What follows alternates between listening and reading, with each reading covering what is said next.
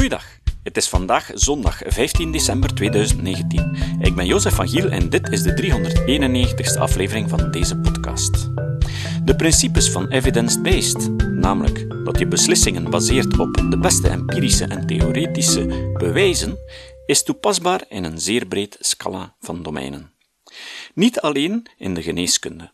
Ook in de didactiek bestaat er hoe langer hoe meer wetenschappelijke kennis die oude overtuigingen onderuit haalt. Dat je leerlingen moet onderwijzen door ze te coachen en zelf te laten ontdekken, vinden veel mensen een kwestie van gezond verstand. Maar is daar goed bewijs voor? De tekst die jullie vandaag horen komt uit scienceguide.nl en werd geschreven door Sarah Bergsen, Erik Meester, Paul A. Kirschner en Anna Bosman. Ze zijn respectievelijk docentenopleider aan de Technische Universiteit Eindhoven, pedagogisch wetenschapper aan de Radboud Universiteit, hoogleraar onderwijspsychologie en hoogleraar aan de Radboud Universiteit Nijmegen, waar deze laatste doseert over onder andere lezen, spellen en dyslexie en de ontwikkeling van effectieve spellingsmethodes. In het artikel wordt regelmatig gerefereerd naar de grote populariteit van constructivisme in het onderwijs. Dat gaat in de eerste plaats over het onderwijs in Nederland. Ik heb er geen idee van hoe populair dat in Vlaanderen is. Hoe dan ook vond ik dit een zeer interessante reflectie. Het originele artikel staat vol referenties, maar voor de beluisterbaarheid heb ik die niet opgenomen. Als je erin geïnteresseerd bent, je vindt de link naar het originele artikel in de notitiepagina van deze aflevering en daar kan je de referenties vinden. Constructivisme is een slechte didactische raadgever. Onderwijsvernieuwingen, waarin de docent de rol aanneemt als facilitator, gids of coach, zijn geen aantoonbare garantie voor succes. Toch is het constructivistische gedachtengoed nog altijd populair in het hoger onderwijs, getuige het grote aantal minimaal begeleide onderwijsvormen. Tegenwoordig zouden we beter moeten weten. Stellen Sarah Bergsen, Erik de Meester, Paul Kirschner en Anna Bosman. De filosofie heeft de mens veel nieuwe en waardevolle inzichten gebracht. In de loop der tijd en op basis van nieuw onderzoek blijken die niet altijd te kloppen. Zo is de wereld niet opgebouwd uit de basiselementen water, vuur, aarde en wind, maar uit atomen. En is de vorm van organismen niet afgeleid van een bovenaardse ideeënwereld, maar van ons genoom. Met andere woorden, niet ieder filosofisch idee liet zich later bevestigen in de empirische wetenschap. Zo blijkt ook dat constructivisme, dat van kennistheorie verheven is tot onderwijsfilosofie, geen goed algemeen uitgangspunt is voor didactiek. Constructivisme is een kennistheorie die benadrukt dat kennis tot stand komt door actieve constructie en geen passieve representatie van de werkelijkheid is. Volgens deze stroming interpreteert ieder individu de werkelijkheid om zich heen op een eigen manier. Kennis wordt dus als het ware door de mens zelf geconstrueerd. Die brengt onderdelen van een complex idee samen om zo te komen tot een bepaald begrip. Hoe iedere persoon de werkelijkheid ziet en interpreteert, is afhankelijk van zijn eigen kennis en geschiedenis.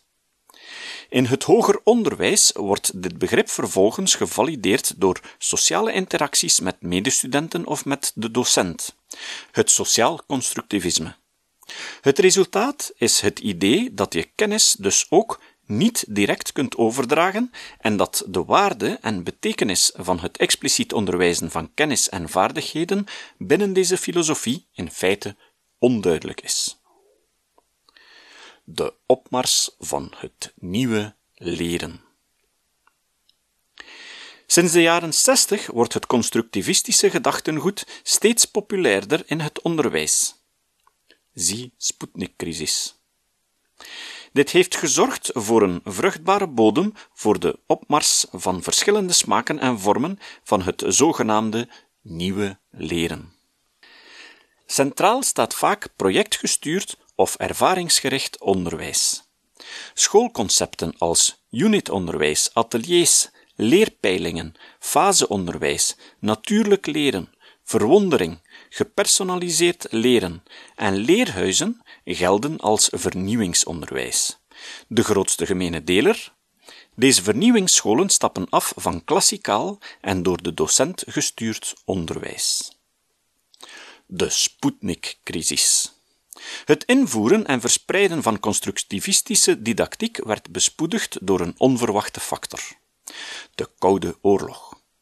In 1957 lanceerde de Sovjet-Unie de eerste kunstmaan, de Sputnik 1.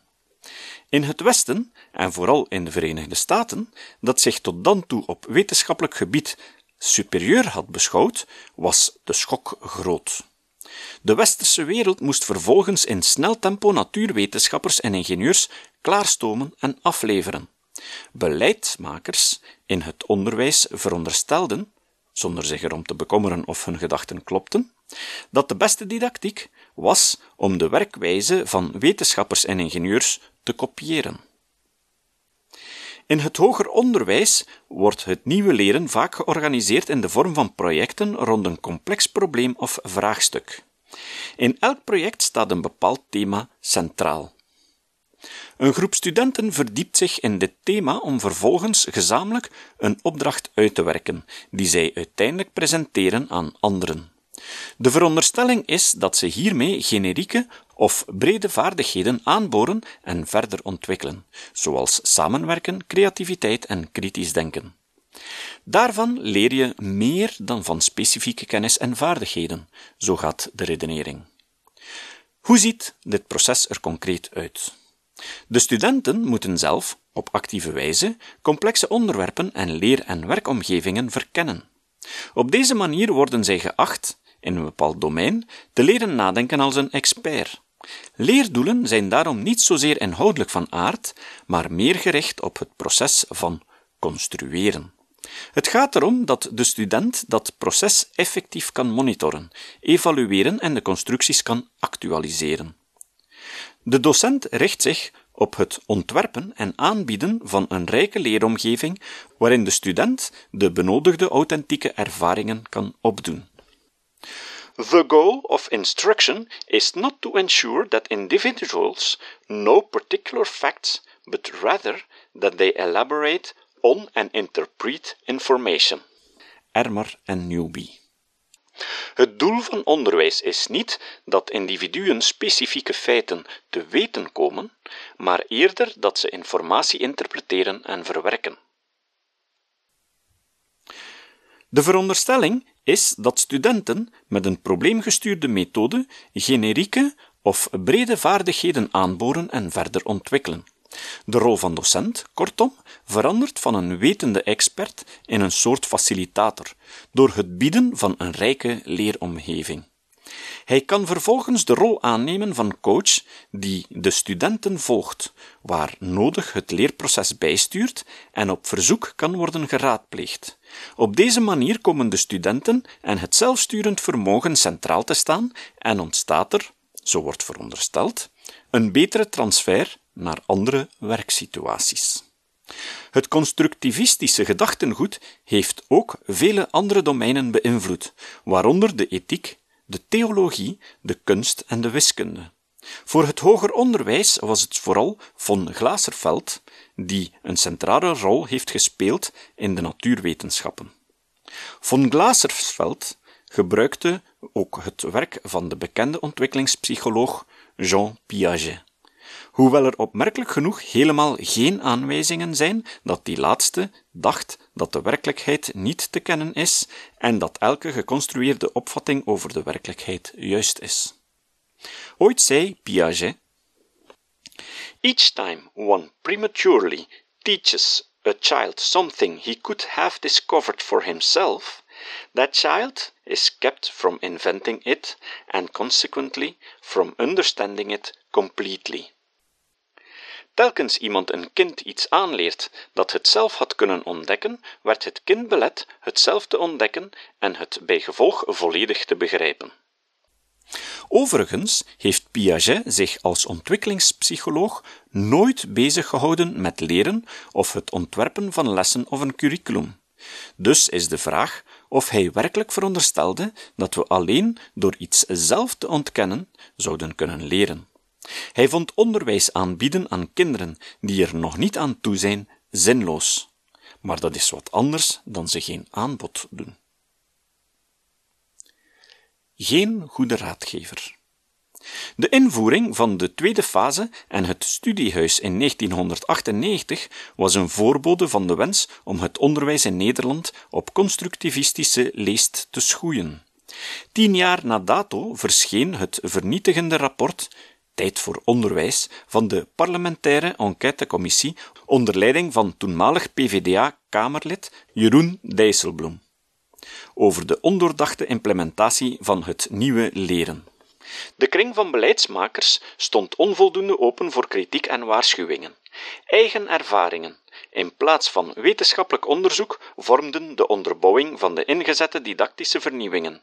Deugdelijke pilots en experimenten ontbraken. De holle retoriek van 21st century skills.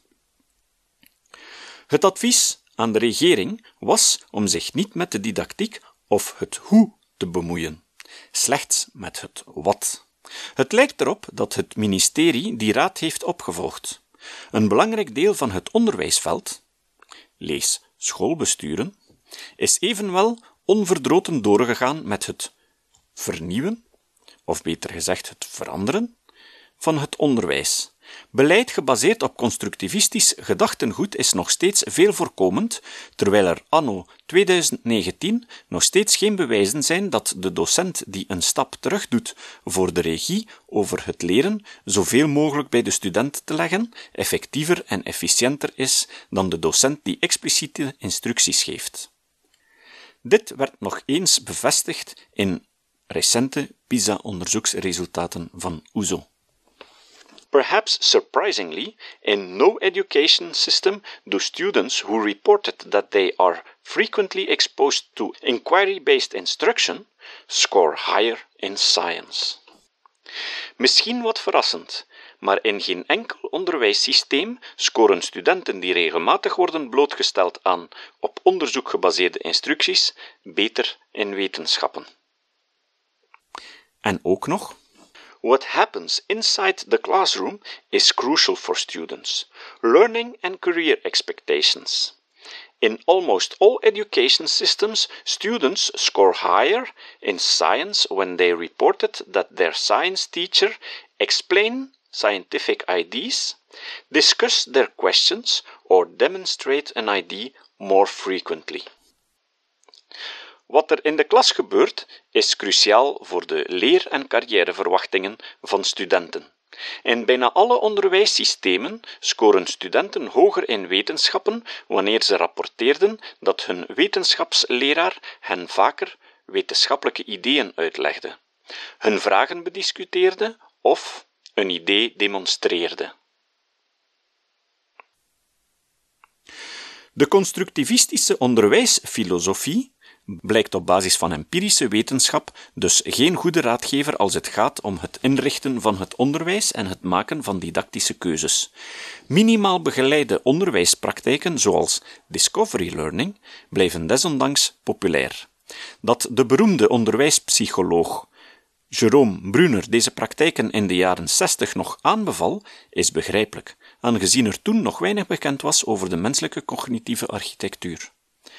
Tot op dat moment werd de psychologie van het leren gedomineerd door het behaviorisme. De cognitieve psychologie stond nog in de kinderschoenen. Tegenwoordig zouden we beter moeten weten. Eigenlijk heel raar. Het begrip constructivisme omvat veel meer dan we hier kunnen bespreken. Maar de meeste onderwijsprofessionals zijn bekend met het constructivisme als kennistheorie of epistemologie. Epistemologie bestudeert hoe we ware kennis kunnen vergaren en wat het betekent om iets te weten.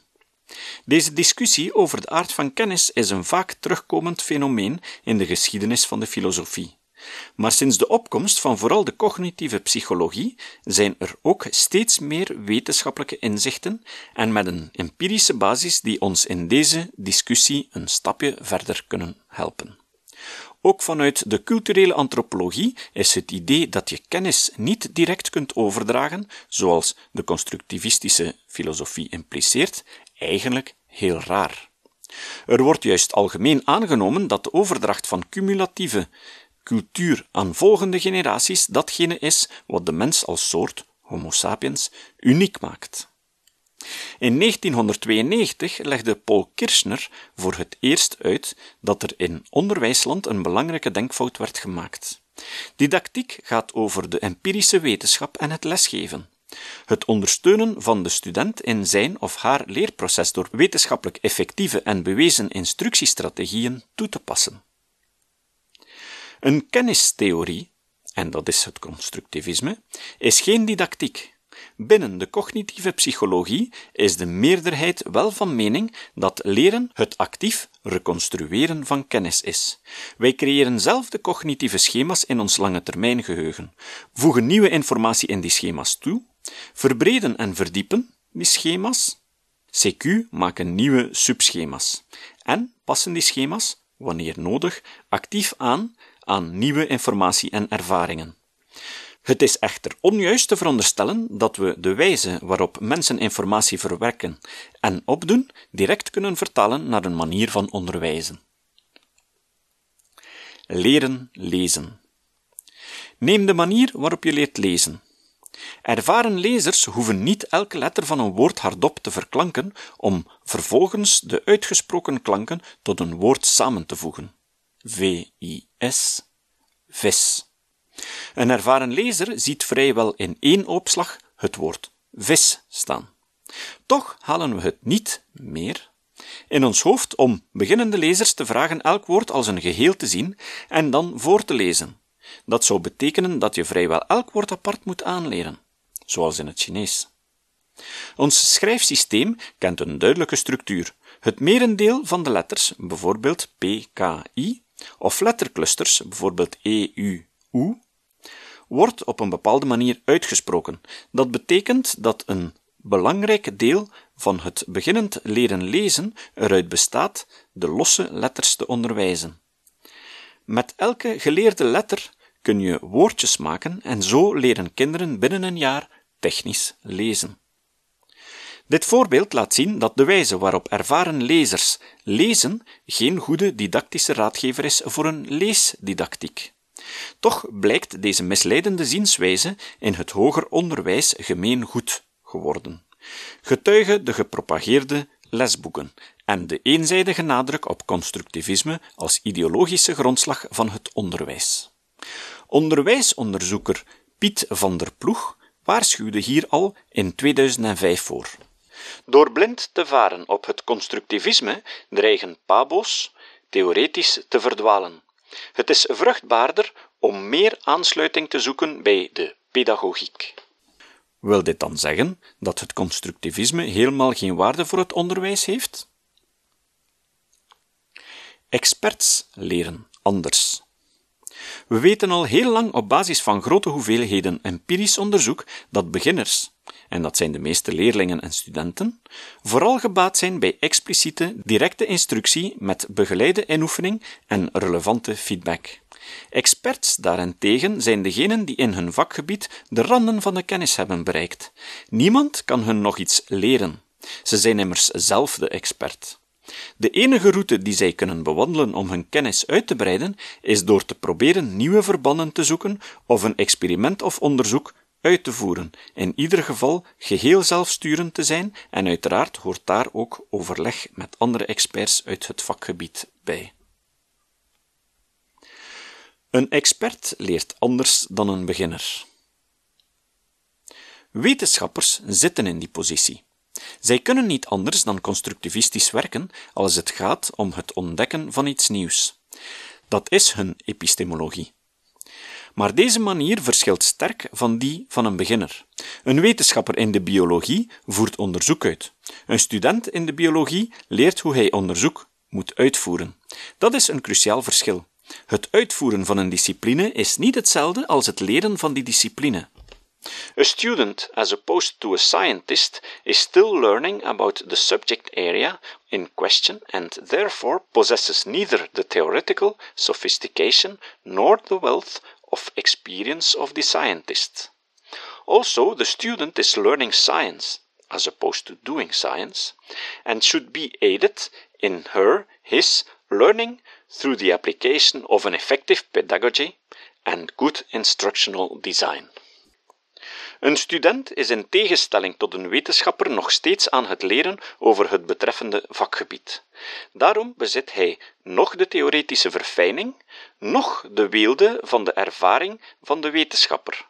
Bovendien is de leerling wetenschap aan het leren, in tegenstelling tot aan wetenschappen doen, en zou in zijn haar leren geholpen moeten worden door de toepassing van effectieve pedagogie en een goed ontwerp van de instructies. Het verschil zit in zowel de kwaliteit als de kwantiteit van de kennis waarover beginners en experts beschikken. Het gildesysteem is een ander goed voorbeeld van het aloude beproefde onderscheid tussen een expert, de meester, en zijn beginner, de leerling en de wat meer gevorderde gezel. Een tabel. Beginner. Beschikt over weinig relevante achtergrondkennis en vaardigheden. Simpele, rommelige en oppervlakkige cognitieve schema's. Een expert beschikt over veel relevante achtergrondkennis, complexe, goed georganiseerde en diepe cognitieve schemata. Een beginner wordt beperkt door het werkgeheugen. Een expert wordt ondersteund door het lange termijngeheugen. Een beginner ziet oppervlakkige details, leert het best door expliciete instructie en uitgewerkte voorbeelden, heeft moeite om principes over te dragen naar nieuwe contexten. Transfer. De expert ziet de onderliggende diepere structuren en of patronen, leert het best door ontdekken en of onderzoekmatige aanpak, kan principes overdragen naar gerelateerde domeinen. Transfer. Onderzoek binnen de domeinen als schaken, de natuurkunde en de luchtverkeersleiding laat zien dat experts over andere zogenaamde schemata in hun lange termijn geheugen beschikken dan beginners. Deze schemata bevatten niet alleen meer kennis, deze kennis is ook beter georganiseerd. De kennis van de expert stelt hen in staat de dieptestructuur van een probleem te herkennen, in plaats van zich te laten verwarren door de oppervlaktestructuur. Deze uitgebreidere schemata van experts zorgen ervoor dat zij minder last hebben van de beperkingen van het werkgeheugen dan beginners. Zij zien geen onsamenhangende verzameling stukken informatie, maar geordende brokken en of samenhangende eenheden, ook wel chunks genoemd. Ook kunnen experts andere probleemoplossende strategieën inzetten die effectiever, efficiënter, sneller toepasbaar en minder cognitief belastend zijn. Een ander belangrijk argument om vrijwel alle studenten als beginners te zien, is ironisch genoeg ook gebaseerd op het werk van Piaget. In zijn fasetheorie over de cognitieve ontwikkeling veronderstelde hij aanvankelijk dat kinderen in de leeftijd van 12 tot 15 jaar overgaan van de concreet operationele fase naar de formeel operationele fase. In zijn beperkte steekproef van kinderen zag hij deze overgang in denken, maar later bleek dat de meerderheid van de capabele volwassenen dit stadium niet haalden. Alleen op het gebied van hun expertise blijken ze op een formeel operationele wijze te denken en te handelen. Piaget zat er op dit punt dus naast, iets wat hij later in zijn loopbaan ook constateerde. Rijping verklaart niet alles, want voor de overgang naar de formeel operationele fase zijn doelgerichte en domeinspecifieke inspanningen nodig. Het denken van de schaker. De Nederlandse psycholoog Adriaan Dingeman de Groot publiceerde in 1946 zijn proefschrift over schaken. In zijn onderzoek kregen schaakgrootmeesters en amateurschakers vijf seconden een schaakopstelling te zien, waarna zij die moesten reproduceren. Sommige opstellingen waren gangbaar, in het schaakspel bekende opstellingen, en voor hen betekenisvol. Andere waren willekeurig, in het schaakspel onbekende schaakopstellingen. De schaakgrootmeesters konden, in tegenstelling tot amateurschakers, bijna alle gangbare schaakopstellingen moeiteloos reproduceren. Maar kregen de schaakgrootmeesters een willekeurige schaakopstelling voorgelegd, dan konden ze net zoveel schaakstukken reproduceren als de amateurschakers. Dit laat zien dat experts handelen vanuit kennis en bekende patronen die zich in hun lange termijn geheugen bevinden en die ze hebben verkregen uit tienduizenden, zo niet honderdduizenden gespeelde en bestudeerde schaakpartijen. Hierdoor kunnen zij snel de beste oplossingen selecteren en toepassen op problemen. Het onderzoek van de Groot zorgde voor een revolutie in de cognitieve psychologie. Het toonde aan dat experts niet per definitie intelligenter of beter zijn in probleemoplossend vermogen. De hoeveelheid kennis en of eruditie bepaalt of iemand binnen een complex domein, in dit geval schaken, probleemoplossend vermogen kan laten zien. We hebben tot dusver de veel voorkomende misvatting weerlegd dat studenten een soort junior experts zijn en dat zij complexe, levensechte problemen kunnen oplossen zonder intensieve instructie en begeleiding van de docent, zoals experts dat doen. Maar we hoeven ook niet terug naar het onderwijs van een eeuw geleden. Er is namelijk nog een ander alternatief. Kennis lenen aan de student. In de onderwijscontext kun je ervan uitgaan dat studenten beginners zijn en docenten experts. Studenten zijn, vooral in het begin van hun opleiding, nog bezig met het opbouwen, uitbreiden, verdiepen en versterken van de kennis. De kans op het succesvol oplossen van een complex probleem is afhankelijk van de hoeveelheid domeinspecifieke voorkennis waarover studenten beschikken. In de meeste gevallen is deze voorkennis nog niet of onvoldoende aanwezig. De docent heeft dan de belangrijke taak om zijn kennis als het ware te lenen aan de student en ervoor te zorgen dat deze kennis in het lange termijn geheugen van de student terechtkomt. Dit noemen we het borrowing and reorganizing principle. Dit gaat niet vanzelf en vraagt om expliciete en responsieve benadering van lesgeven. Daarbij doet de docent er goed aan nieuwe informatie in kleine stappen aan te bieden en bij elke stap veel denkvragen te stellen, om zodanig enerzijds het begrip van studenten te controleren en anderzijds wat er geleerd is te versterken. De docent moet veel demonstreren met uitleg over hoe je iets doet en waarom, het liefst met ondersteunende visualisaties.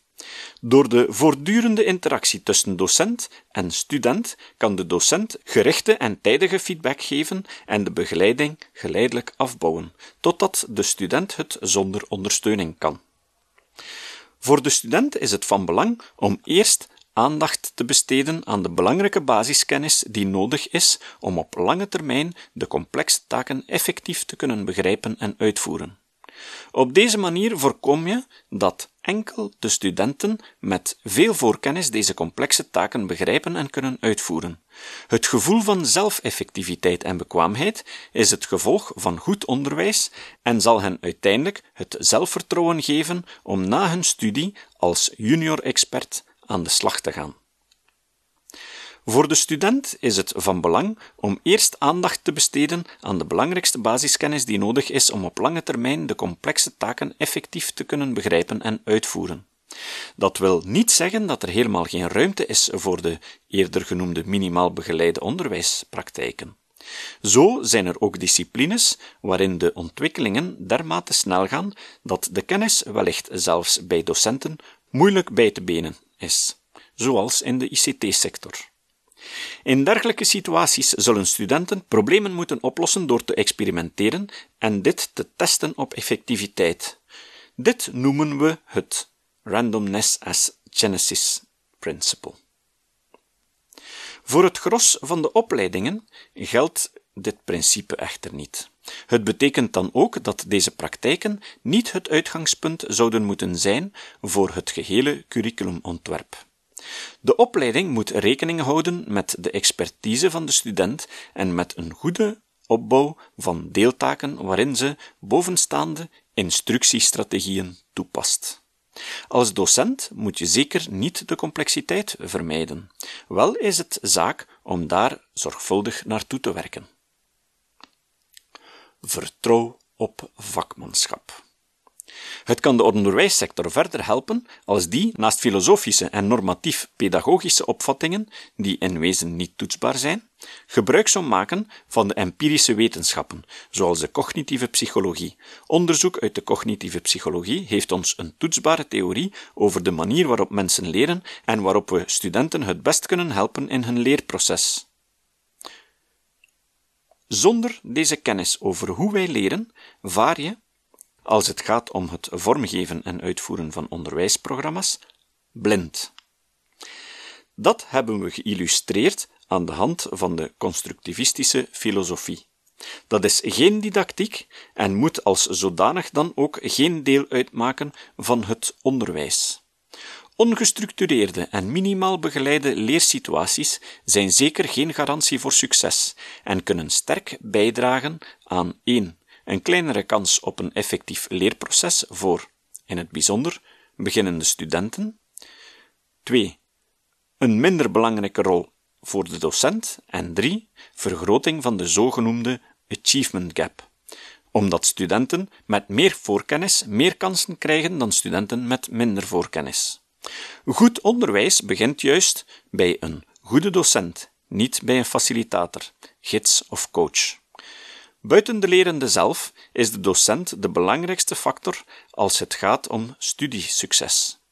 We zouden in het onderwijs dus blijvend moeten inzetten en vertrouwen op het vakmanschap van docenten, in plaats van het onderwijs daaromheen te organiseren.